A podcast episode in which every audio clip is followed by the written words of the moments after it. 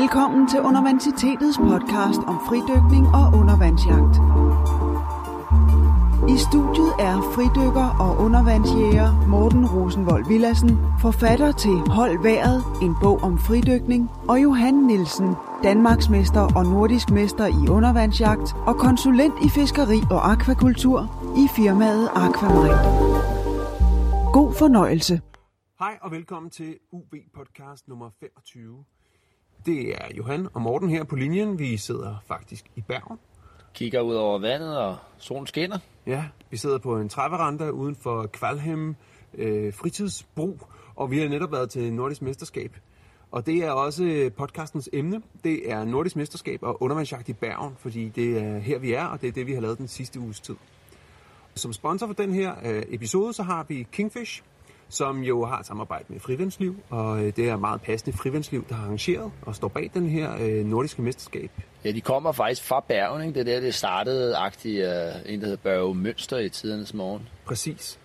Og nu er det så en gut, øh, der hedder hårdt, hårdt arbejdende Simon, der kører øh, øh, foretagendet, og han øh, har rigtig godt fat i det, og, og det er så Kingfish, der forhandler frivandslivsprodukter, som ligesom er specialiseret og udviklet til, øh, til de norske farvande og det norske setup. Men det kan vi snakke lidt Simon, mere der er jo også er kendt for at have lavet det mest spektakulære fladfiskedyk i verden, tror Ja. jeg, hvor han, øh, hvor han som ganske pur ung undervandsjæger skulle ud og fange øh, pigvar, og øh, det må man så sige, han lykkedes med, fordi han dykkede ned, og så så han en stor pigvar, så stak han den, så lå der en ved siden af, så stak han også den, og så lå der en mere, så tænkte han, den skal jeg også lige have med op. Så stak han også lige den, hvorefter han fik krampe i begge ben, og måtte smide sit blybælt og komme til overfladen med over 30 kilo pigvar. Ah, det var helt vanvittigt. Fordi den største var 13 kilo, tror jeg. Ja, lige præcis. Og så var de sådan lidt dernede af. Ja, jeg tror faktisk, at sidst vi snakkede om lige præcis den fangst, der kom til at sige 50 kilo pikvar. Bare 50 kilo pigvar. Det var det ikke. Jeg har, jeg snakket med ham, og han fortalte den igen her, øh, her den anden aften. Det var bare 30 kilo med det, men det er en god ja. historie uanset, og det er fandme ja. nogle store pikvar. Selvom det kun var 30 kilo pigvar i et dyk, så er det alligevel øh, imponerende. Men det er altså frivandsliv, som øh, råder og regerer her i Bergen, hvad angår undervandsjagt, og som også hvis produkter, man så kan købe i Kingfish, øh, både på deres webshop og inde i Tulinsgade, hvor de har butik. Faktisk, så har jeg lige øh, hørt, at de flytter butikken. Nå ja, Øhm, i de Sydhavnen, Ja, lige præcis. Får nogle nye øh, lokaler nede på Skandiagade 15 om. Det kan vi snakke om øh, en anden gang. Det er en gang, først en gang til foråret. Nå, vi er altså her i Bergen, og inden vi går i gang med at snakke omkring undervandsjagt i Bergen, så skal vi så er forbi... vi jo dagens spørgsmål, som er på programmet. Og øh, der er jo kommet et spørgsmål om, øh, kan man få dykkersyn, når man undervandsjæger? Ja, og øh, det korte svar er, det kan man godt. Der er mange, der tror, at dykkersyge kun er knyttet til flaskedykning, og det hænger sammen med, at øh, flaskedykning øh, er den form for dykning, hvor man nemmest kan få dykkersyge. Mm. Øh, men du kan faktisk også få det med undervandsjagt, og du kan også få det med fridykning. Og det handler simpelthen om, at øh, de fysiske love, de gælder jo selvfølgelig, uanset om du er fridykker eller flaskedykker. Øhm, og det er den lov, der hedder Henrys lov, der er på spil, øh, som handler omkring, øh, hvordan at øh, luftarter og væske påvirker hinanden i forhold til den koncentration, der, øh, der ligesom er i de forskellige luftarter og væske, når de er op og ned af hinanden. Og det sker altså, når vi trækker luft ind i lungerne, så hiver vi en masse nitrogen ind. Det er kvælstof, der er 79% i den atmosfæriske luft. Så det trækker vi ind i lungerne, så dykker vi ned, og lige så stille så vandrer den der nitrogen over i blodbanen, hvor den former øh, små bobler, når man så stiger op igen. Øh, og det, det er ikke noget problem, når du ligger og hyggedykker for 5-10 meters dybde, og ikke holder vejret særlig lang tid. Men øh, det bliver et problem, hvis du dykker rigtig dybt, og det bliver et problem, hvis du holder vejret rigtig længe. Mm, Eller gør det mange, mange gentagende dyk, som man jo typisk gør med undervandsjagt. Nu er det jo ikke så tit i Danmark, at vi dykker sådan til 25-30 meter, men det er jo faktisk meget almindeligt i Middelhavet. Der er det også lidt nemmere, det er varmt og klart og dejligt. Mm. Og, men øh, det, der er det faktisk et, øh, et problem, og, og der var faktisk en case her fra, fra VM i, øh, i Grækenland, hvor de havde valgt at lagt, lægge konkurrenceområdet et sted, hvor der kun var fisk for 30 meter og nedad. Og da jeg hørte det, så tænkte jeg faktisk, for det første, at jeg gider sgu ikke selv med, fordi øh, jeg, jeg kan ikke øh, dykke så dybt, og hvis jeg prøver, så ender jeg bare med at slå mig selv ihjel. Og, øh, og jeg snakkede med en anden en fra Spanien, og han sagde, det er 100% sikkert, at der er en, der kommer til skade på det der.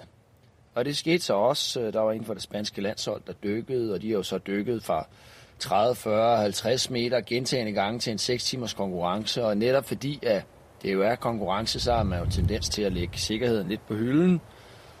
Og øh, dagen efter, så, øh, dykkede der, så skulle han så, eller konkurrencedagen, så skulle han så åbne sin telefon ved morgenmaden. Og øh, han kunne ikke finde ud af at betjene telefonen. Fordi han simpelthen havde fået en hjerneskade af, af alle de her små nitrogenbobler, som har sat sig som blodpropper i hjernen på ham. Og det er jo permanent. Ja. Og det, det er fandme kedeligt for at fange en sakkers på 500 gram under en sten i Grækenland. Ja, og det, man kan sige, at han var faktisk ikke den eneste, der... øh, Altså, han var muligvis den eneste, der fik en permanent øh, hjerneskade, men han var ikke den eneste, der fik Og dykkersyge. også ham fra øh, New Zealand fik også, ikke? Ja, lige præcis. Dave Mullins, som lå og lavede... Øh, hvad hedder det, variabel vægt øh, ned til 60 meter, hvor han øh, blandt andet skød en grouper under konkurrencen på øh, cirka 60 meters dybde. Jeg tror, det var 58 meters dybde eller sådan noget. Ja. En 7 kilos grouper, hvilket er en virkelig flot fisk. Jeg tror, det var den eneste fisk, han fangede øh, begge dage, og øh, han endte alligevel som nummer 7. Ja. Øhm, og det siger lidt om... Og kommer han øh, til gengæld også på hospitalet. Ja, og det er forfærdeligt. Så man kan sige, øh, undervandsjagt er, er, som vi dykker det i Danmark, kan man sige, hvor vi dykker typisk rimelig fra safe. 0 til 12 meter ja. øh, ud fra kysten. Jeg har aldrig hørt om nogen, der har været i nærheden af at få dykkersyge. Nej, det kan Øh, ikke fysisk lade sig gøre. Man skal have en vis dybde på, jo, altså, Ja, for at det kan lade sig gøre. Eller enorm lang tid. Altså virkelig, mm. virkelig lang tid. Ikke? Øh, men så snart at vi begynder at snakke 20 meter, 30 meter, som mm. øh, der er jo nogle af de mere avancerede undervandsjæger i Danmark, som er begyndt at dykke på med brag og så videre, så er det altså en faktor, man skal begynde at, at tage højde for. Og øh, måden man gør det på er øh, faktisk, at man øh, lægger en lang overfladetid ind mellem øh, sin dyk, og man begrænser antallet af dyk på en dag. Mm. Så man siger, at jeg laver måske kun Øh, og nu skal man passe på med at komme tommelfingerregler, fordi at der findes faktisk ikke teori, øh, hvor man kan sige 100% sikkert, hvis du bare gør sådan og sådan og sådan, så undgår du det. Den øh, viden findes simpelthen ikke i verden endnu. Men der findes nogle tommelfingerregler, og hvis jeg bare skal lave sådan et, hvis jeg skal lave lidt sådan en fingerpeg af, hvor vi skal hen af, så snakker vi overfladetider, der hedder 5-6 gange så lange som øh, neddykninger. Øh, I hvert fald. Og vi snakker højst 10 øh, dyk øh, på en dag til, til, til steder omkring øh, 20-30 meters dybde. Øh, hvis man også opholder sig dernede. Øh, så er du i hvert fald øh, sikker øh, på, at... Øh, og igen, jeg tør, jeg tør sgu ikke engang lægge hovedet på blokket og sige, så er du 100% sikker, fordi at der er så mange faktorer, der påvirker. Alder er en faktor. Jo ældre du er, øh, jo større chance er der for, at du får det. Øh, faktisk også dehydrering. Mm. Hvis du er en lille smule dehydreret, så er der også større chance for, at du får det. Og så er der altså noget ting som opstigningshastighed, og der er altså nogle faktorer som, hvor lang tid du var dernede, øh, som også påvirker. Og det gør desværre regnstykket så kompliceret, at man ikke kan sige noget med 100% sikkerhed. Men, øh, men jeg vil sige, at, at man er temmelig meget on the safe side, hvis man, hvis man holder de øh, hvad hedder det, tommelfingerregler, som jeg lige skitserede her. Øh, og så øh, og det vigtige, altså dem, der dykker for eksempel øh, fridykning til 60-70 meter og deromkring, eller på den anden side af 50 meter, de dykker kun et, måske to dyk om dagen. Mm. Og det, øh, det, det siger lidt noget om, hvor, hvor meget øh, tid man skal lægge ind. Hvor man skulle ikke samle mange kammuslinger. Nej, men det er måske også, også lidt... lidt dybder for en kammusling. Ah, det er lidt aggressivt at samle kammuslinger på 50 meters dybde. Ja, okay. Men, øh, men det er altså... Øh, Tag et fridykkerkursus. Ja, tag et Så lærer man fridykkerkursus. om det. Lige præcis. Og det er, det er faktisk meget godt øh, råd derude til alle sådan lidt mere ambitiøse undervandsjæger. Kom afsted, få noget øh, sikkerhedstræning, få mm. noget teori ind under huden, og, og, og lær, hvordan du skal redde din marker, og hvordan du skal opføre dig, så du ikke selv, slår dig selv ihjel, øh, når du ligger og dykker derude. Men vi vender lige tilbage til det, fordi øh, vi, har, vi har lidt at sige om det i forbindelse med den her konkurrence. Ja. Men øh, jamen, vi startede jo med, at vi var til Nordisk Mesterskab i øh, Bergen. Ja, Og øh, det har jo blæst af helvede til at regne, så i dag er det faktisk øh, dejligt solskin. Men øh, vi kom her, herop, øh, og så var vi øh, ude og scout lidt i områderne. Måske ikke helt nok, kan man sige, øh, Mr. Hindsight, men øh, vi fik da i hvert fald kigget lidt. Jeg har også været her før, så jeg kendte nogle af stederne og sådan noget. Og, men en del af forberedelsen handlede også lidt med at komme i, øh, komme i udstyret og få prøvet det her lidt mere øh, nordiske udstyr af, så man ligesom sådan kunne sige, sådan, okay, men skal jeg bruge den her harpun til konkurrencen og så videre. Hvad, hvad havde du øh, på at grej? Jamen, øh, jeg havde nogle 7 mm øh, overalls, eller hvad det hedder, long johns, mm. øh, fra Peugeot, Og øh, med det der Bracca-system, som jeg før har nævnt, øh, der hvor man kan tisse ud af sådan en kængurupose. Øh, Åh oh, ja, så der kan komme koldt vand ind på dealeren hele lige tiden. præcis, lige præcis. Ja, det lyder smart. Men man kan sige, at i og med, at vi var så meget oppe i både hele tiden, øh, så var det jo ikke noget problem. Nå, er det kun, når du er i vandet, der kommer koldt vand ind. Jo, men, men der kommer jo ikke noget ind, medmindre at jeg ligesom åbner for, for hanen. Ikke? nej. Øh, så, øh, så det lå jeg selvfølgelig bare være med. Men altså, vandet var, heroppe var faktisk overraskende varmt, nu Ja, vi lige skal vende den. Øh, det var 13-14 grader. Ja. Øh, de dage, det var koldt, så var det 12. Øh, Ja. Og så var der en termoklin på 15-18 meters dybde eller sådan noget. Og jeg frøs sgu lidt på de dybe dyk, synes jeg, men Ja. ja. det er også, fordi dragten blev jo trykket sammen. Jo. Jeg, jeg havde også 7 mm, 7 mm dragt på, og så... Ja, jeg startede med en 110, ikke? men så gik jeg faktisk ned til 90'er. Halv harpun, ja. Ja, fordi jeg, jeg faktisk øh, skyder bedre med den der 90'er, fordi jeg jo bare har skudt med den hele mit liv. Jo. Så Mm. den er jeg så vant til. Jeg synes, 110'erne var også, der var også Altså, der var rimelig meget strøm, for at sige det øh, mildt, så det, det gør også, at en 110 bliver lidt svært at dreje rundt med og sådan noget. Ja. Og jeg havde faktisk samme, øh, jeg havde købt mig en, en 100 cm harpun med dobbelt elastikker, som jeg tænkte sådan, der skal jeg have nogle langskud på nogle af de der lupper, som kan være lidt generende med at komme tæt på. Øh, og der måtte jeg også bare sande. Jeg tror, vi skal have øh, telefonen en lille smule væk fra mikrofonen, for der går de der sjove ringetoner i. Øh, nå, men hvad hedder det? Men, men jeg måtte bare sande, at, at jeg ramte dårligere med en 100 cm harpun, end jeg gjorde mm. med den 90'er, jeg plejer at bruge. Jeg bruger en uh, Rob Allen harpun. Og, øh, Ja, du havde jo også gjort det, som jeg altid siger, man ikke skal gøre. Du havde jo to forskellige modeller i forskellige længde. det rigtige er, Du skulle jo naturligvis have haft en, en længere harpun i samme model. Jamen, så, det er rigtigt. så alle harpunerne skal være samme model i forskellige længde. Præcis. Og det, øh, det må jeg bare sande, at jeg bliver nødt til at række den anden op på samme måde. Det er jo sådan set samme harpun, men den var ringet op med en dobbelt elastik, og, og jeg skulle have brugt en enkelt elastik mm. på samme måde, som jeg har på mine 90'er. Mm. Øhm, så, øh, så ja, så jeg endte også med at øh, skyde med min 90 cm harpun. Og det var fordi, at jeg netop- netop konkluderede, at jeg fik sådan lidt, lidt dårlig skydeselvtillid med den øh, lidt uvante harpun, og det gjorde, at jeg ventede på, at fiskene kom så tæt på, at jeg alligevel kunne have skudt dem med min 90 cm. Og så er der ikke nogen grund til at øh, rende rundt med sådan en stor øh, gun, fordi det både fylder og svært at styre i strømmen, og hvis man så samtidig har dårlig selvtillid, så, øh, ja, så tilbage til det kendte. Øh, ja. så, så kan de, de, de gamle, knævne, øh, konservative, sure øh, undervandsjæger sidde her og anbefale, altså bare blive ved det, ved det der virker, ja. ikke? Ja, ja, man skal aldrig stå til søs. man altid blive ved det kendte. Nå, Morten, du har været lige ved at tisse i bukserne hele podcastet her. Hvad har du fanget? Ja, Du fangede jo uden at prale en, øh, en fin øh, ny personlig kort. Ja, det gjorde øh, og det vil jeg faktisk godt prale med. Det var en havtaske, som øh, vejede næsten 7 kilo, 6,95, og øh, lå på 12 meters dybde, 11,7 for at være helt præcis. Og den øh, fandt jeg, fordi at jeg skulle samle kammuslinger. Og så, øh, mens jeg samlede kammuslinger, nej, det er faktisk forkert. Jeg blev smidt af et sted, hvor jeg ville samle kammuslinger. Og derfor havde jeg ikke spændt min harpun, og jeg havde ikke tændt kameraet eller noget som helst. Jeg hoppede bare i, og så lavede jeg bare sådan en lille testdyk. Så dykkede jeg ned, og så så jeg den der øh, havtaske lige ned under mig. Og så tænkte jeg, det, det, det er da en havtaske. Det. og, så, og så tænkte jeg, nå, og det var sådan lidt i slutningen af dykket, øhm, så, øh, og jeg havde ikke spændt harpunen, så jeg lige skyndte mig at spænde den dernede under vandet, og så lige øh, svømme 3-4 meter tættere på, indtil jeg sådan kunne, kunne konkludere, jamen det var en, en helt sort eller mørk havtaske, der lå på helt kridhvid sandbund. Den var meget, nogle gange kan de være ret godt kamufleret, men det var altså ikke tilfældet her. Ja, så skød jeg den jo og hævde den op. Det var øh, meget udramatisk. Altså, nogle, nogle havtasker kan være sådan lidt aggressiv. Ej, det er de faktisk altid. Ja, det er de altid, ja. Men øh, hvis Det man er får også skudt... fair nok, når man skyder dem, kan man sige. Ja, det er okay, at de så prøver at bide igen. Men man kan sige, hvis man skyder dem sådan, ligesom sådan syr deres øh, overkæbe og underkæbe sammen, sådan, så, så er de sådan nogenlunde til at styre. Og det, og det var næsten tilfældet. Jeg skød den nogenlunde mellem øjnene, øh, men den, den vil gerne snappe lidt efter en alligevel. Men det var sådan er altid nogenlunde... god prank at se, om man kan få nogen til at stikke hånden ind i munden på en havtaske. De får den fandme aldrig ud igen, mindre man opererer havtasken fra hinanden.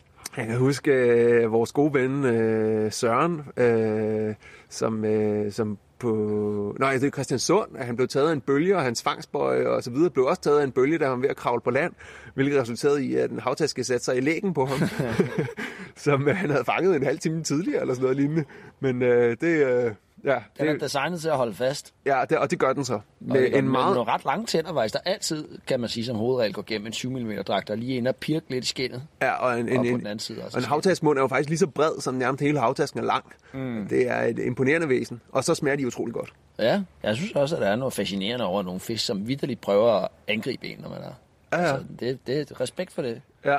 Så men det var en, en flot fisk. Ja, Og jeg så faktisk øh, også nogle ret spektakulære, fisk ude i konkurrenceområdet under scoutingen, hvor jeg først så en, en havbars, mm-hmm. en rigtig stor en, Ja. tyk sølvtorpedo, der kom gående inde på det lave vand. Det er jo svært at vide meget meget, når ikke man øh, fik den med op på vægten jo, men altså, det er helt klart den største havbars, jeg nogensinde har set. Måske øh, 3-4 kilo, tror jeg. Ja. Og der gik ikke øh, mange dyk, så så jeg kunne hjælpe med en Sankt Petersfisk. Det er vildt. Som det er første gang i mit liv, jeg har set en Sankt Petersfisk, den vil jeg virkelig gerne have skudt. Men øh, det fik jeg jo så ikke lige mulighed for. Men øh, Og det er fordi, at for dem, der ikke ved det, når ude i konkurrenceområderne, der jager man ikke i dagene op til en konkurrence. Mm. Der undersøger man bare det, det vi kalder for at scoute. Der lægger man planer og forbereder sig og tjekker en masse spots ud, sådan så man øh, kan vælge sig øh, en god rute, når konkurrencen så starter. Så derfor er området ligesom fredet indtil mm. konkurrencen starter. Så du så en Sankt Petersfisk og en havbars, og, Ja. og vel en masse andet, jeg tror. ja, altså jeg så Sankt Petersfisken ude på Skrejskallen, hvor der også, altså skrej, det er jo den store vandretorsk i Norge, men det, er, altså, det er jo så måske ikke lige helt korrekt navn, men der var i hvert fald mange luber også, kan man sige. Virkelig kæmpe store luber. I hvert fald under scoutingen, og, øhm, og der valgte jeg så også at svømme hen på, på første dagen. Der, øh, der var så en masse strøm, og de havde valgt at, at flytte startområdet en Nå ja. kilometer længere væk fra skrejskallen end øh, lige til at starte med. Så jeg startede med at svømme to kilometer ud til skrejskallen og ligge i, øh, i sådan en rimelig frisk strøm, som man kender fra, fra Storebælt, og, og dykke ned der, og det gik af helvede, så jeg ramte kraften hele tiden ved siden af. Man jo ikke se den fra overfladen. Altså, du kunne ikke se den knold, som du dykkede på. Nej, så det Fra var bare nede i sort vand, og så håbe på, at der på et tidspunkt kommer noget tang. Ja. Og det var så ikke. Det var mildt sagt ikke hver gang, at jeg ramte den, og så er der bare 50 meter dybt. På hver side af den knold. Ja. Puha. Så, men jeg ramte den nogle gange og fangede øh, seks luber der, Ja, hvilket var, jeg faktisk var meget øh, tilfreds med. og der var fisk hver gang, du ramte den, så at sige. Ja, det var der, ja. ja. Vi var faktisk øh, fire, der dykkede derude, og øh, jeg var faktisk den eneste, der fangede noget derude, fordi øh, de andre, de, øh, ja, de faktisk ikke rigtig kunne ramme den, og så da de ramte den, så kunne de ikke fange noget, og Oliver mm. skød ved, ved siden af, fordi Nå. han også havde valgt at skifte til en ny harpun. Ja. Og de lige tre første dyk, der skød han lige øh, helt ved siden af. Ja, og det, det må man sige, at det, det, det, kunne man have, det kunne han have sparet sig selv, hvis han havde øvet sig på nogle vandmænd eller et eller andet inde på det lave. Aldrig skifter på. ja, man skal ikke, Altid blive ved det kendte. ja, hvis det virker, så øh, behold det. Ja. Ved mindre at forholdene byder en det er fuldstændig imod. Der er jo ingen grund til at dykke med en 7 mm i Karibien, men, øh, men harpuner og så videre, så videre. Hvis det ellers er nogenlunde den øh, længde og skudkraft, man har brug for, så er der en meget stor fordel ved at blive ved det, man ved fungerer. Ja. Hvad med dig, Morten? Hvad, du, du var også ude at svømme lidt. Ja, det var jeg. Øhm, på dag 1, så... Øh, hvordan var det nu? Så...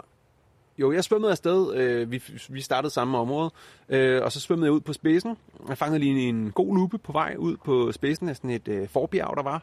Og øh, så ude på spidsen, der lå vi hurtigt en 4, 5, 6 mennesker. Jeg fangede en enkelt lupe mere, derude øh, på 16,5 meters dybde. Øh, et rigtig fedt dyk, hvor jeg ligesom sådan kom ned under et lille udhæng og, øh, og stak lige hovedet op og så en lupe, og så trak hovedet ned, og så ligesom kunne få listet mig selv og harpunen frem, og så ligesom kalde på lupen lidt tættere på. Man kan sige sådan nogle lyde, sådan nogle strubelyde, sådan nogle og det øh, kan høres meget godt under vandet, og fisk reagerer på det. Vi, enten bliver de bange, eller også bliver de nysgerrige, men, øh, men luper bliver som oftest nysgerrige og kommer tættere på. Så den fik jeg også skudt rigtig godt. Og, øh, og så fangede jeg faktisk ikke rigtig... Jo, det er, ikke- det er ikke rigtigt. Jeg fangede faktisk flere fisk, men det viser, at de var lidt for små. Øh, der er et konkurrence mindstemål, der hedder 50 cm for luper. Mm. Og jeg havde et par stykker, som lå der omkring øh, 45 til 50 cm. Og det kan jo være lidt svært sådan at bedømme under vandet, om en fisk er præcis 45-50 cm, især når det ikke er en, en fiskeart, man fanger til, til daglig. Øh, så der, øh, der vurderede jeg forkert et par gange, men det var altså ikke fordi, at jeg, jeg valgte en fisk, som, hvor jeg bare kunne have valgt den større. Jeg skød den største i flokken, mm. så det var ikke fordi, at, at jeg på den måde øh, skal undskylde mig. Øh, men, øh, men ja, det var, det var simpelthen resultatet.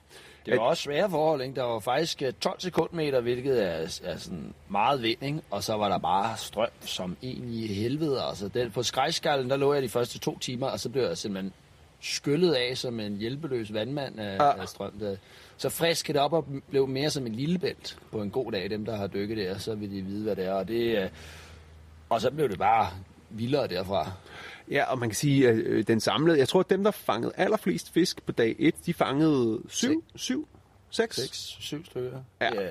Det så, var, så at fange to-tre stykker er faktisk meget gennemsnitligt for, for dag et. Øhm, det, der var lidt specielt ved den her konkurrence i, i forhold til normalvis i Norge, det var, at makraller også var ligesom en faktor. Dels så gav de rigtig godt, øh, sådan pointsystemet var skruet sådan sammen, at det blev belønnet meget for at fange makraller. Og dels var der rigtig mange makraller i området, så det var relativt tit, man ligesom så en makral eller to. De er så ret svære at fange alligevel, mm. men, øh, men det lykkedes faktisk øh, en hel del at skyde makraller. Ja. Og anden dagen, Anden dagen, så... Øh, der svømmede vi sammen, Morten. ja, vi svømmede lidt om kap der. Øh, Jeg vandt, vil jeg det, gerne lige hurtigt Ja, det gjorde du. Og det er faktisk også, øh, det kan vi lige øh, snakke lidt om, men det er det der med, med, med forskellen på øh, en svømmebøj og en torpedobøj. Og stærke ben. Ja, meget stærk Og svage ben og meget svage ben. Ja, på det indskyde. ja, Jeg kom selv nummer to efter Atle. Det er rigtigt, ja. jeg- Det er jo ungdommen jo. Det, ja, ja, ja. Men, men I, I lå begge to på en svømmebøj. Ja, Og, øh, og svømmede om kap, og du kom så nummer to efter Atle. Og jeg øh, lå sammen med Kim Fransen, og jeg kom vist også nummer to øh, efter Kim Fransen, som også lå på en svømmebøj. Jeg lå på en torpedobøj. Mm. Øhm, og så man kan sige, vi, blev, vi er blevet enige om at konkludere, at svømmebøjer har en stor fordel lige når starten går, og frem til man når til første sted, hvor man skal fange fisk. Og så har de en kæmpe fordel, når man har fanget fiskene og kan lægge dem op på svømmebøjen og skal transportere hele muligheden tilbage til startområdet. Mm. Men torpedobøjer har faktisk en fordel, når du er på spottet. Ej, der er ikke så meget modstand i dem, ikke? Ja, lige præcis. Især hvis der er bølger, og især mm. hvis der er øh, noget, noget strøm og, og uvejr og ting og sager, så har en torpedobøj faktisk en fordel øh, over svømmebøjerne. Så man kan sige, selvom at, ja, Så begynder man at fylde den op med fisk, så, så har man problemerne så, igen. så giver det lidt vandmodstand igen, ikke? Men man kan sige, at selvom du kom, øh, jeg ved ikke, hvad, hvad var du måske på spottet 30-40 sekunder før mig, mm. øh, så i, i, øh, i virkeligheden betyder det ikke så meget. Det betyder Nej, måske, nej. at du får et dyk før mig, Ja. og hvis man har en lille smule langsom til at lade sin harpun, eller har lidt kluder Ja, i så bøjelinen, ja. så, er det, øh, så, så udligner det så meget hurtigt. Nå, men jeg lå der og fangede også fisk. Øh, Fanger to hver, ikke? På det sted der. jo, øh, og mine var så øh, 45 og 49 cm, og de skal så være 50 cm. Og jeg så, at dine, de var, de var over 50 cm, så, øh, så du har skudt de, de lidt større i flokken, end jeg fik øh, skud på. Og jeg lå faktisk der rigtig lang tid og havde nogle super fed undervandsjagt på, på de der fisk, jeg troede var store nok, men som lige- var lige i underkanten. Og, øh, og det, det er faktisk, altså man kan sige, set i konkurrencer øh, sammenhæng, så er det selvfølgelig ærgerligt at skyde for små fisk, men det er jo ikke for små spisefisk, det er jo ikke sådan små fisk i det hele taget, det er luber over et kilo, og, øh, og de, skal ikke, ja, og de skal ikke at, at skyde og sådan noget, så det gjorde jeg, og så fangede jeg en enkelt makrel ud over det senere, og øh, ja, et andet sted, og sådan havde egentlig en, en, en rigtig god dag, øh, selvom at det ikke ligesom afspejler sig på resultattavlen. Ja, Jamen, jeg havde egentlig også en fin dag. Jeg øh, kunne godt se rimelig hurtigt, at det gik sgu faktisk ikke så godt. Jeg tog så lidt sydpå til en knold på 13 meter og lå at dykke der på siderne, og, og faktisk lavede nogle rigtig fine øh, dyk i forhold til øh, ting, jeg havde gode lange bundtider og, øh, og gode dybe dyk ned til 26, og det gik faktisk rigtig fint. Der var bare ikke så mange fisk, kan man sige. Jeg fangede så to fisk der, og tog videre et andet sted og lå at lave nogle dybe dyk, og jeg lavede faktisk primært dybe dyk hele dagen, og, øh, og til sidst så var jeg bare så var jeg fandme helt flad, altså. Så måtte jeg bare... Så, så var konkurrencen også heldigvis slut, så kunne jeg lige luffe ind der. Ja, ja. Men hold kæft, hvor bliver man flad af at dykke. Altså næsten udelukkende dybere end, øh, end 15, ikke? Jo, dels det, og så også øh, med strøm i overfladen, så du skal, når du ligger i overfladen, så kan du ikke slappe af, så bliver du nødt til at ligge Ja, og... man skal bare svømme hele tiden. Præcis. Enten, enten lodret eller vandret, men du får ikke nogen pause.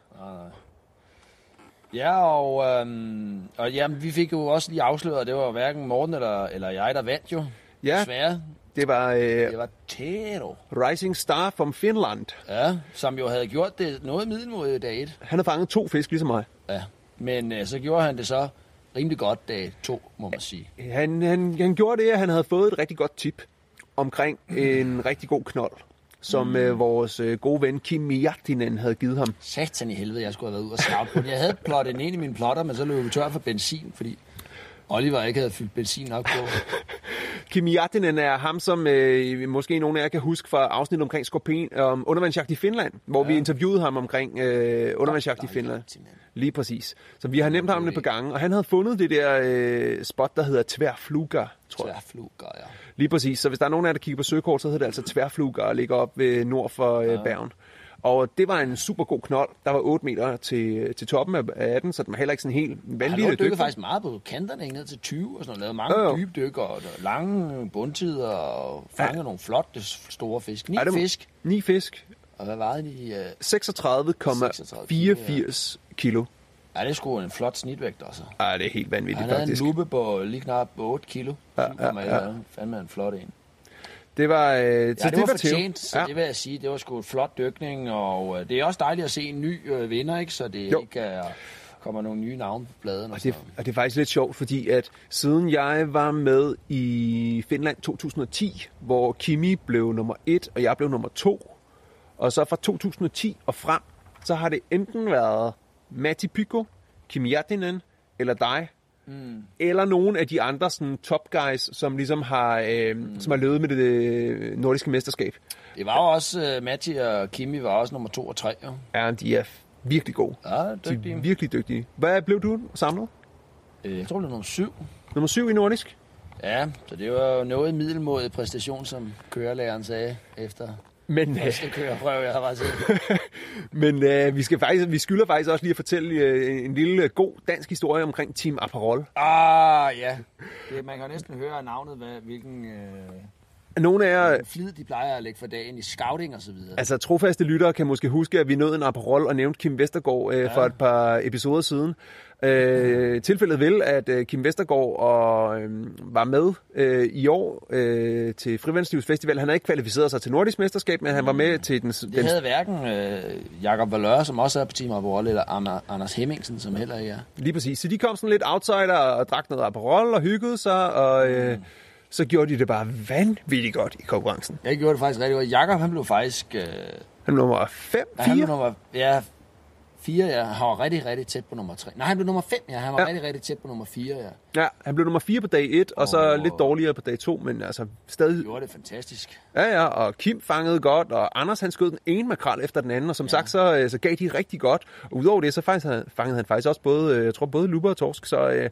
så hatten, hatten af og, øh, for, Han er for, på Team Aperol. ja, de, de var- gav den gas. Og de havde også lagt nogle ret drastiske, eller hvad skal man sige, øh, hvad hedder sådan noget, ambitiøse og øh, snarådige planer med sådan noget ja. Ja. mere, om jeg skal løbe hen over den der ø, og så kommer jeg først til den spids, ja. og jeg skal øh, en, en helt anden vej gennem den her lille kanal, som, altså det var sådan, en, det var sådan en, øh, et studie i orienteringsløb kombineret med undervandsjagt, ja, som de ligesom Jak- havde... Jakob Valør, han havde jo øh, på anden dagen ikke set uh, skyggen af en fisk i tre timer, hvorefter han finder et sted, hvor der er en, uh, en del uh, luber.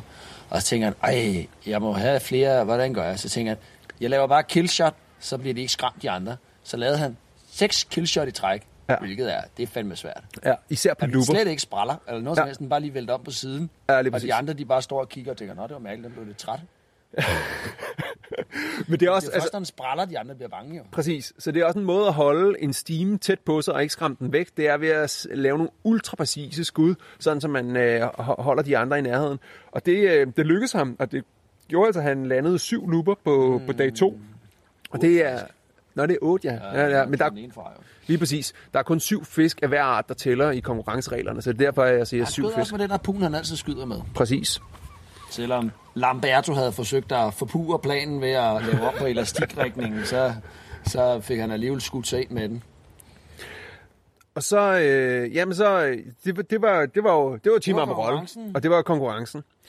Øhm, og så tror jeg, vi også skal nævne, at øh, der skete også en lidt mere alvorlig sag under konkurrencen. Øh, en af, af undervandsjægerne, øh, uden at nævne navne, så, så kan vi... Øh, øh, der, var en, der var en undervandsjæger, som både fik en squeeze og øh, to sambager. Øh, og, øh, Det er fandme ikke særlig imponerende. Nej. Og, og, og der er flere ting til det. Øh, blandt andet, øh, altså heldigvis så har han så delt det, så, så vi andre kan lære af det, og vi kan, vi kan fortælle lidt om, hvordan at man undgår at komme så galt afsted. For dem, der ikke ved, hvad det handler om, en squeeze, det er en skade, øh, en trykskade, øh, og det kan ske i øret og alle mulige ting, men normalt, når man snakker om squeeze, så er det lungerne, det handler om. Det vil sige, at der er en bristning af noget lungevæv på en eller anden måde, øhm, som har gjort, at man får væske, det vil sige blod, i lungerne. Mm. Øh, og det er farligt. Øh, ikke, ikke så meget sådan på lang sigt, man skal nok hele det osv., osv. men øh, det er klart, at hvis du har væske i lungerne, så fungerer din øh, iltoverførsel til blodet ikke særlig godt, og derfor øh, skal man ikke øh, dykke videre, når man har fået en squeeze, fordi du, du, dine lunger fungerer simpelthen dårligere. Mm. Øh, så det er den ene ting. Er jo næsten værre, altså, Ja. ja. det er jo faktisk, som man næsten er lige ved at blive kørt ned, ikke? Altså, så Jo. har man været lige ved at dø, Ja. men så ikke døde alligevel. En samba, det er øh, en, øh, en, en spasme, en iltmangels øh, spasme, som øh, kroppen går i, en krampe, øh, og, øh, og det sker lige før blackout. Mm. Og du kan godt... Nogle gange Ja, lige før blackout. nogle gange lige, det er rigtigt, ja. Så du kan godt komme i overfladen, og så have den her iltmangelskrampe, som man kalder samba, øh, og, så, og så ligesom komme der over det. Men du kan også, altså det kan ligesom tippe to veje. Det kan enten tippe i blackout, det vil sige, at du besvimer, og hvis du er alene, så drukner du. Eller det kan tippe, at du får trukket vejret under den der iltmangelskrampe så tilpas meget, at du ligesom genvinder fuld øh, førlighed og bevidsthed. Mm. Men det er sådan et, et mellemstadie øh, mellem øh, vågen og besvimet. Det er ligesom at lave sten, saks, papir med døden, ikke? Ja. To gange i træk. Det Ja, er lige præcis. fandme, øh, ikke så klogt. Nej, det er ikke så godt. Øh, det er faktisk... Øh, det, er, det, er, det er skræmmende. Ja, det er det. Og det, det som, øh, altså nu kan vi jo sidde og være øh, gamle og knævende og, og bagkloge, men altså det han helt klart skulle have gjort, det var, øh, han dykkede til 20 meter og øh, fangede store fisk. Ja. Og når man gør det, så er der en risiko for, at man fanger en stor fisk på 20 meter. Og hvis ikke man ligesom har planlagt, hvordan man så øh, slipper til overfladen, øh, så, øh, så har man valget mellem at miste sin harpun eller dø. Ja, Og, og, godt sagt. Og, og så det, man så undgår at komme i den valgmulighed, så, så skal man enten have hjul på harpunen, eller man skal have bøjelinen fæstnet i, i harpunen. Ja, sådan så, Så så man kan give slip på harpunen, eller løsne hjulet og svømme til overfladen. Lige præcis. Fordi det handler om, at når du skyder en stor fisk på dybt vand, så er det en kæmpe øh, kraftanstrengelse at få hævet den fisk og dig selv op til overfladen. Mm. Så det skal man ikke gøre i samme dyk. Nej. Så du skal sørge for dig selv først, og så fisken bagefter. Ja, så skal man bjerge fisken op bagefter. Ja. Og så får man også, kan man ligesom fight den. Hvis man har skudt den dårligt, så kan du heller ikke bare flå den til overfladen, så riv, selvom du har kræfter til det, så er der stor chance for, at den river sig. Mm. Du er nødt til sådan ligesom at fight den, og, og jeg vil anbefale til, øh, til langt de fleste øh, nybegyndere og langt de fleste forhold i Norge, det er at putte bøjelinjen i harpunen. Ja. Det er meget mindre bøvl end et linjehjul, og det er meget hurtigere, og det er meget nemmere også. Fordi Ja. så giver du bare slip, og så må de øh, og så kan du altid få fat i enden op ved bøjning, og så hive den op. Og så, så man kan sige, så det er, det er fejl nummer et, at han ikke havde øh, en eller anden form for setup, så han kunne slippe fisken og lade den være. Enten slippe harpunen, eller slippe fisken via et linehjul på, på øh, spydet øh, på harpunen. Og, øh, og så den anden øh, fejl, vi kan snakke om, det er jo så, at, at han fik to sambager. Og der er en tendens til, at når du først har fået en samba, så er der meget stor tendens til, at du øh, får endnu en samba. Så det er, det er dels øh, er det 13. for kroppen, og det er sådan et, et absolut øh, sidste udkalds øh, øh, rød lampe, der blinker. Og man skal ikke dykke videre, hvis du har fået en samba. Så det er, øh, det er virkelig farligt. Øh, det har han gjort, desværre, og fik så endnu en samba. Øh, og, og gudske tak og lov, så, øh, så, så, øh, så kom han ikke til at få et blackout. Øh, så, har, øh, så har han fået en squeeze. Ja, det overrasker mig faktisk lidt, fordi 20 meter, det er selvfølgelig dybt, øh, når man dykker hjemme i Danmark, men det er jo ikke sådan normalt inden for fridykning, normalt defineres som dybt, og forventer, at man fik squeeze på den dybde. Nej, men, øh, men du kan få squeeze. Øh, der er flere ting, der ligesom sådan kan, kan, kan trigge squeeze, men det, som sagt, så handler det om, at det er nede i lungerne, der er noget væv, der brister på en eller anden måde. Og det handler om, at når du har taget luft ned i lungerne, så dykker du ned til 20 meters dybde, så fylder den luft kun en tredjedel af, hvad den gjorde oppe i overfladen. Og det vil sige, at der er sådan en lille smule undertryk mm. i lungerne, fordi at de kan ikke øh, lungerne består af så tilpas meget stift øh, væv, og de er ligesom hængt op på indersiden af brystkassen, så de kan ikke ligesom kramme sig så meget omkring det der øh, luft, som bare bliver mindre, mindre, mindre. Og på et eller andet tidspunkt, så imploderer de, så at sige. Og det er så det, en squeeze øh, er et udtryk for. Men hvis du laver meget store bevægelser, hvis du er meget stresset, øh, hvis du måske også er kold og anspændt, mm. så forøger det chancen for, at du får en squeeze. Hvis du øh, for eksempel kæmper med en fisk på øh, stor dybde, øh, krammer den, øh, holder fast, bruger muskler, øh, så er der øh, forøget chance. Hvis du har dårlig trykudligning, og måske laver Valsalvas manøvre, hvor du virkelig spænder i hele overkroppen, så er der også forøget chance. Hvor man, øh, altså skal, den korrekte trykkeligningsteknik er helt klart Frenzel, hvor man skubber med tungen. Det kan man google. Ja. Frenzel, F-R-E-N-Z-E-L, tror jeg. Yes, og hvis man går ind på holdværet.dk-frenzel, så ligger der en pdf ah. der, som Erik Fatah øh, har skrevet, hvor man får forklaret teknikken, og hvor der er øvelser osv. osv. Så, så det er en pdf, I bare kan hente gratis på holdværet.dk-frenzel, F-R-E-N-Z-E-L. Nå, men hvad hedder det... Øh, men så uanset, så har han så fået den der squeeze. Øhm, og øh, når jeg, der er jo også det der med høj puls. Høj puls er jo også noget, som bidrager til, at, at man, øh, man kan få en squeeze, fordi man ikke er afslappet i kroppen. Mm. Og vi kan ikke rigtig undgå høj puls, når vi ligger og dykker et sted, hvor der er mega meget strøm, og hvor ja. vi er nødt til at dykke hele tiden, og man ikke kan få øh, ro på mellem hver dyk, og derfor skal man bare være ekstra forsigtig. Mm. Og det, øh, det var desværre ikke øh, tilfældet, og jeg håber, at han kommer til at lære rigtig meget af det, og vi håber også, at I som lyttere kommer til at lære af det og, og passe på jer selv. Og det er sådan set derfor, vi, øh, vi, vi tager den her case frem, fordi at, øh, det, det giver lige anledning til, at man lige får tænkt sig en ekstra omgang rundt, fordi at undervandsjagt er jo en sport, hvor at, øh, man meget sjældent får skader, men ja. hvis det går galt, så, øh, så går det rigtig galt. Ja.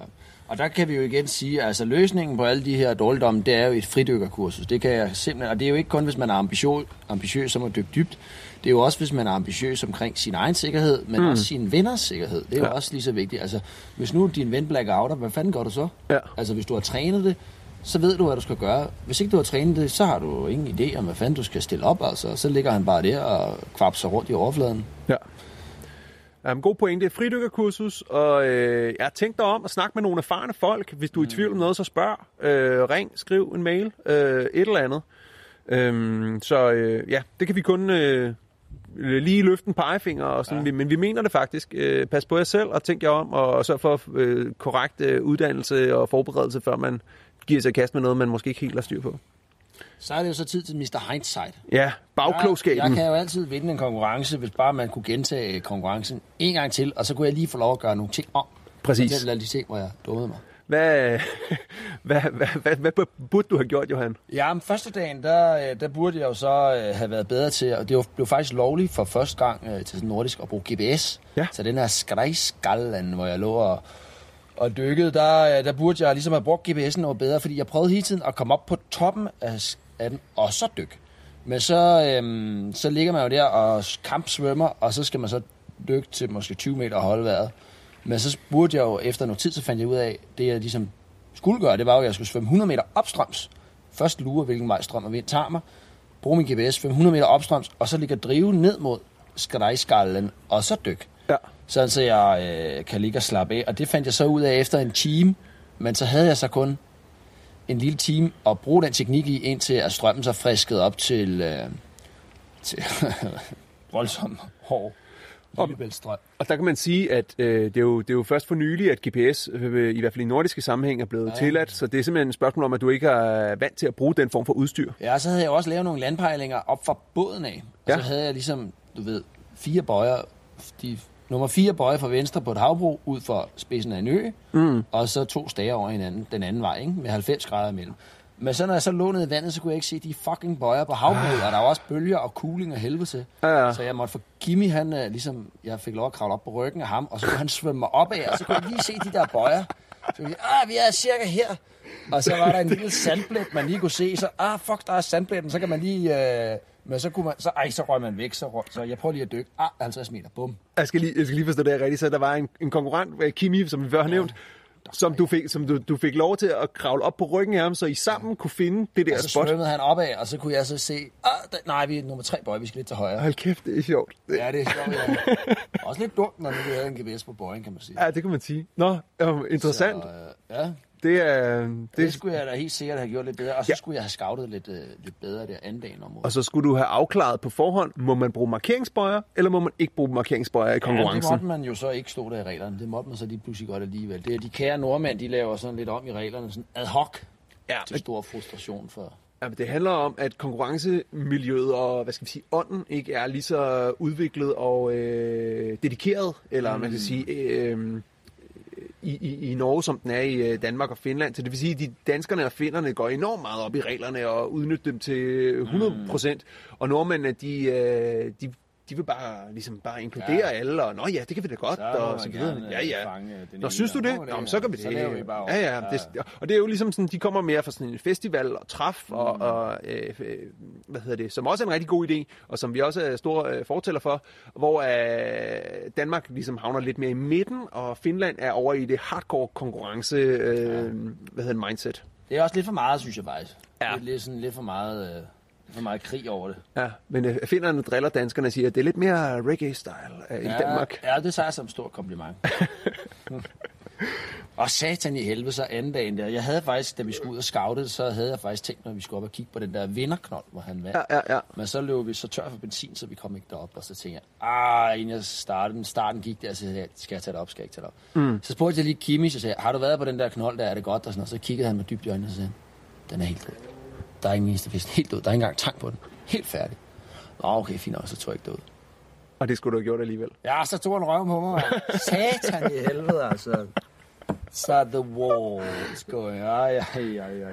Nå, men hvad hedder det? Ellers gik det godt. Jeg synes faktisk, jeg var egentlig glad nok for mig selv. Jeg fik fandme dykket øh, nogle fine dyk og fanget nogle... Øh, I forhold til der, hvor jeg var, synes jeg, jeg fangede nogle, nogle fine øh, fisk og sådan noget. Så jeg er egentlig rimelig... Men altså, det er klart, at vi øh, som, som generelt set, som danskerne, kan man sige, vi skulle have vi skulle have sat det lidt mere i system, det der scouting der med. Og det hjælper faktisk ikke særlig meget at være rigtig god til at dykke, hvis man dykker det forkerte sted. Det er rigtigt. Det kan man sige. Så kan du fandme dykke meget dybt og længe. Hvis ikke der er nogen fisk, så er det Ja. jo helt ubrugeligt. Og øh, det er jo det, der er forskellen på eksempelvis Bergen og Christiansund. Christiansund, der kan du dykke alle steder og fange fisk, fordi der er fisk næsten alle steder. Ja, det er sådan lidt mere... Bare det ligner et godt, bare det ligner et godt spot på, på, søgekortet, så er det et godt spot. Du kan fange fisk der. Det er kun et spørgsmål om, hvor godt spottet er, og hvor store fisken er, men du kan helt sikkert fange fisk. Sådan er det ikke i Bergen. Der skal du finde de rigtig gode steder. Og selv hvis du finder nogle gode steder, så er det ikke engang sikkert, at du bare fanger vildt mange fisk.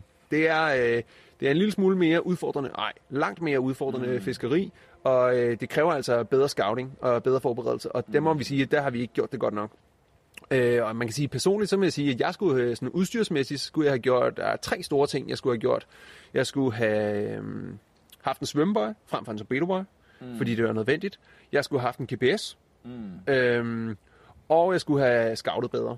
Mm. Øh, for, så jeg havde ikke nogen GPS, det vil sige, at jeg var afhængig af, at jeg kunne se alt over overfladen. Det vil sige, at jeg kun kunne dykke på spidser af øer og, og klipper, der stak op over overfladen, eller steder, hvor der var et sømmærke, eller på en eller anden måde. Øh, men jeg kunne ikke se alle de grunde, som ligesom, jeg kunne godt sådan, om det er cirka herhen, men så finder man dem aldrig. Nej, ej, det gør man selv med, fordi det går fandme nogle gange for flere hundrede meters dybde, og så går det lige op til 10 meter, og så falder det igen til flere hundrede meters dybde. Præcis. Så hvis man lige rammer 10-20 meter ved siden af, så er der virkelig lang vej hjem, altså. Ja, og hvis du så oven i købet ikke har scoutet, og ikke har dine landpejlinger, så er du Så helt, helt, helt solgt. fisket, Ja, ja.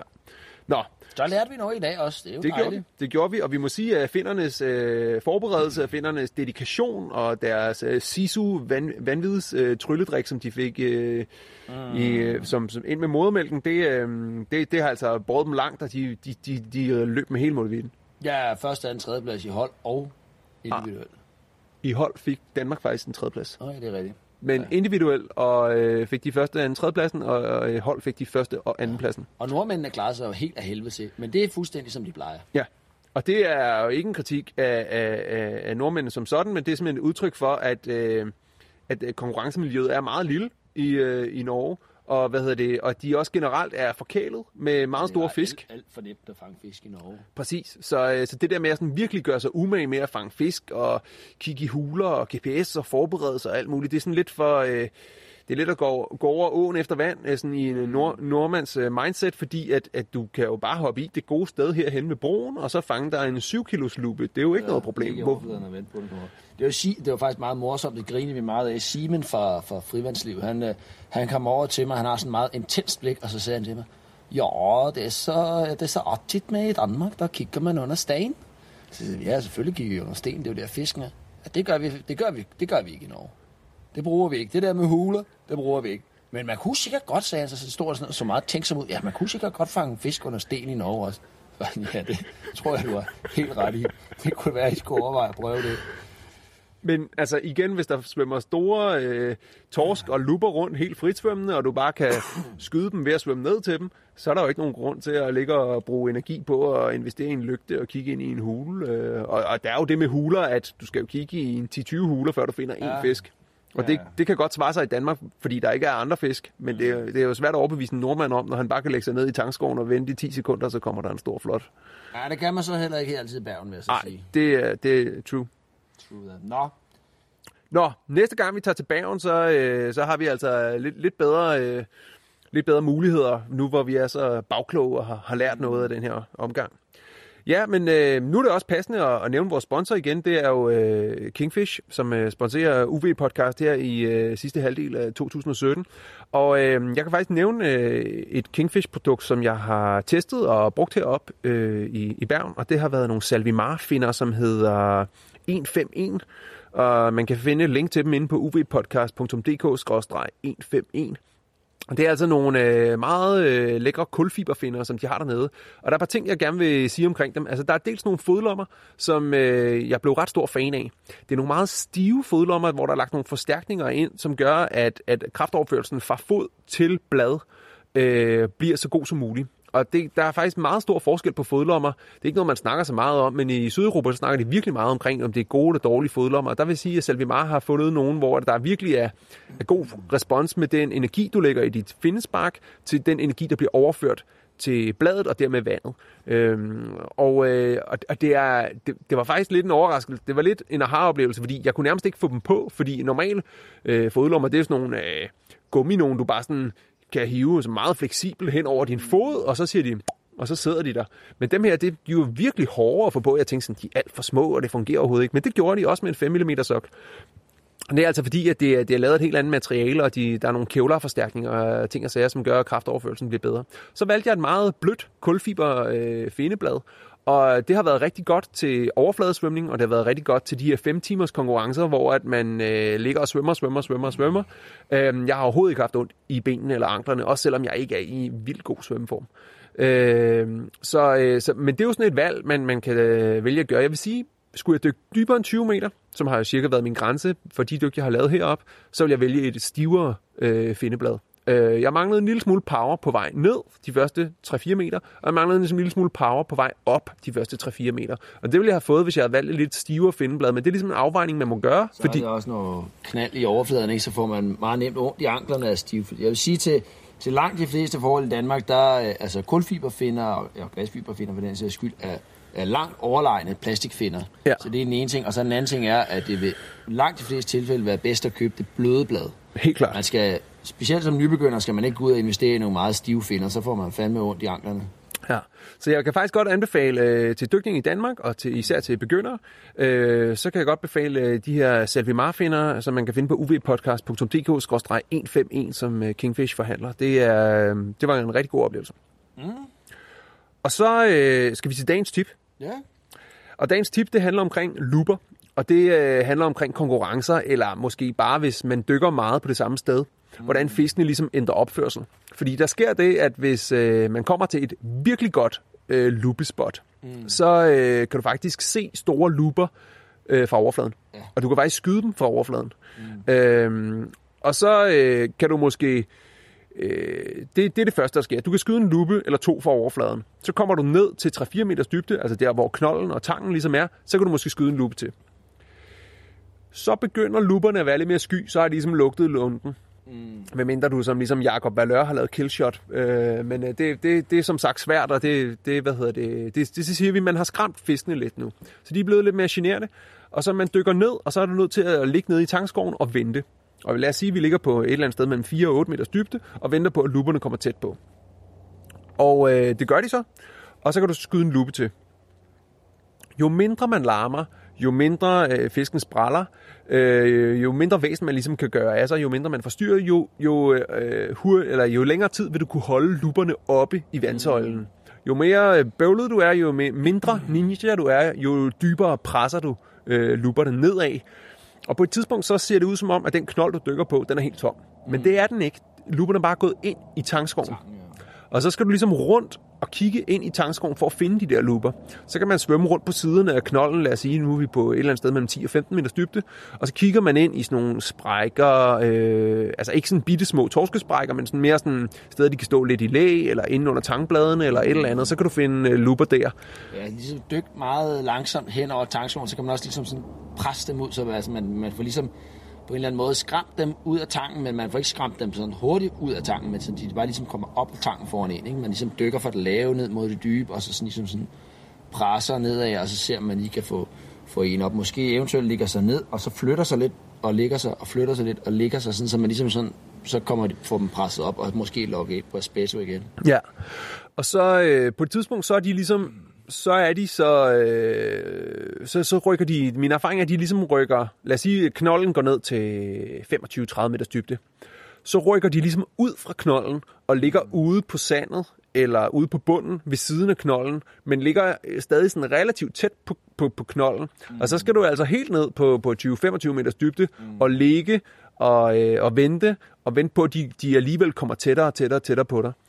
Øh, og det er ligesom sådan den udvikling, der sker fra du kan skyde fisken i overfladen, til du til sidst må ligge på 25 meters dybde og sige brumlyd øh, for, for at lokke luperne til sig. Øh, og så var der sådan en lille fin detalje med de ekstra store luper, Johan. Den øh, kunne du, fik du af vilje, øh, hvad hedder han, Gregor, han fortalte dig om øh, de ekstra store luper. Der er nemlig ja, nogle altså, luper. De, de allerstørste luper, de, altså det skal lige siges, at Gregor, han, øh, det er en lokal undervandsjæger her i Bergen, som jeg kender godt, han sagde, at det her sted, det er sådan, det er sådan godt til, øh, til store luper, og så sagde han, men der er også en hel del på 6-8 kilo. Så tænkte jeg, okay, så ved vi godt, så store luper, det er så åbenbart det er over 8 kilo. Hvilket ellers ender normalt under alle andre omstændigheder, så vil 8 kilo så også være en rimelig voldsomt stor lupe.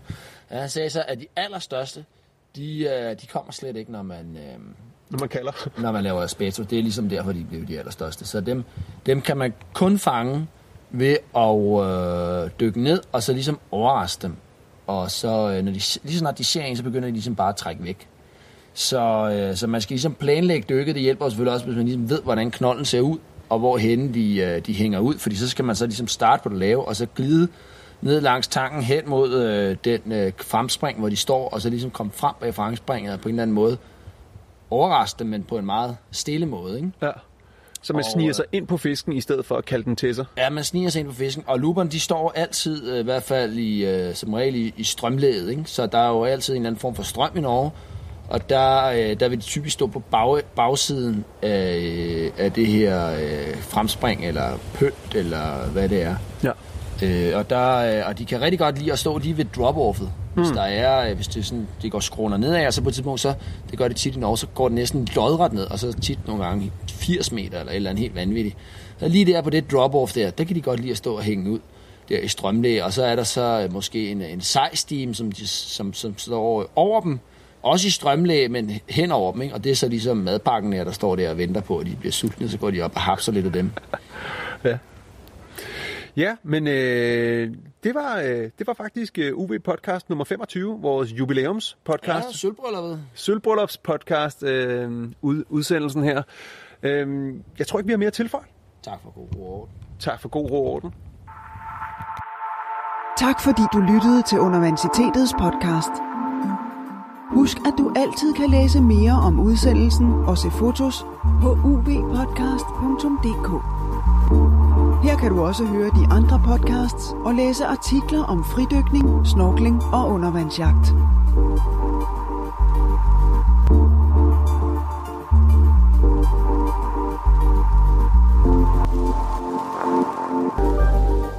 Hvis du gerne vil være sådan ekstra VIP-supportagtig, så øh, kan du støtte UV Podcast ved at gå ind på uvpodcast.tier.dk og tilmelde dig der. Når du gør det, så hver gang vi kommer med et øh, nyt afsnit, så bliver der trukket et beløb, som du selv vælger fra dit øh, kontokort. Og, øhm, og det er altså på uvpodcast.tier.dk. Og når du så gør det, så øh, bliver du inviteret med i en øh, Facebook-gruppe, som er sådan lidt hemmelig, for, som er kun er for supporters, de der VIP-folk. Og derinde, der har vi alt muligt pingpong med vores lyttere, vi laver Facebook Live-videoer, og vi er på mange måder sådan lidt mere tæt på vores lyttere. Så hvis du vil være en del af den der inderkreds der, så er du altså velkommen på uvpodcast.10.dk. Og hvis du heller bare vil give et high five på MobilePay, så er det i stedet for på 27 21 90 43. Så altså uvpodcast.tier.dk eller MobilePay på 27 21 90 43, og så kvitterer vi med en mail eller en sms, hvor du får en invitation og et link til gruppen. Og så, øh, så ses vi derinde. Tak.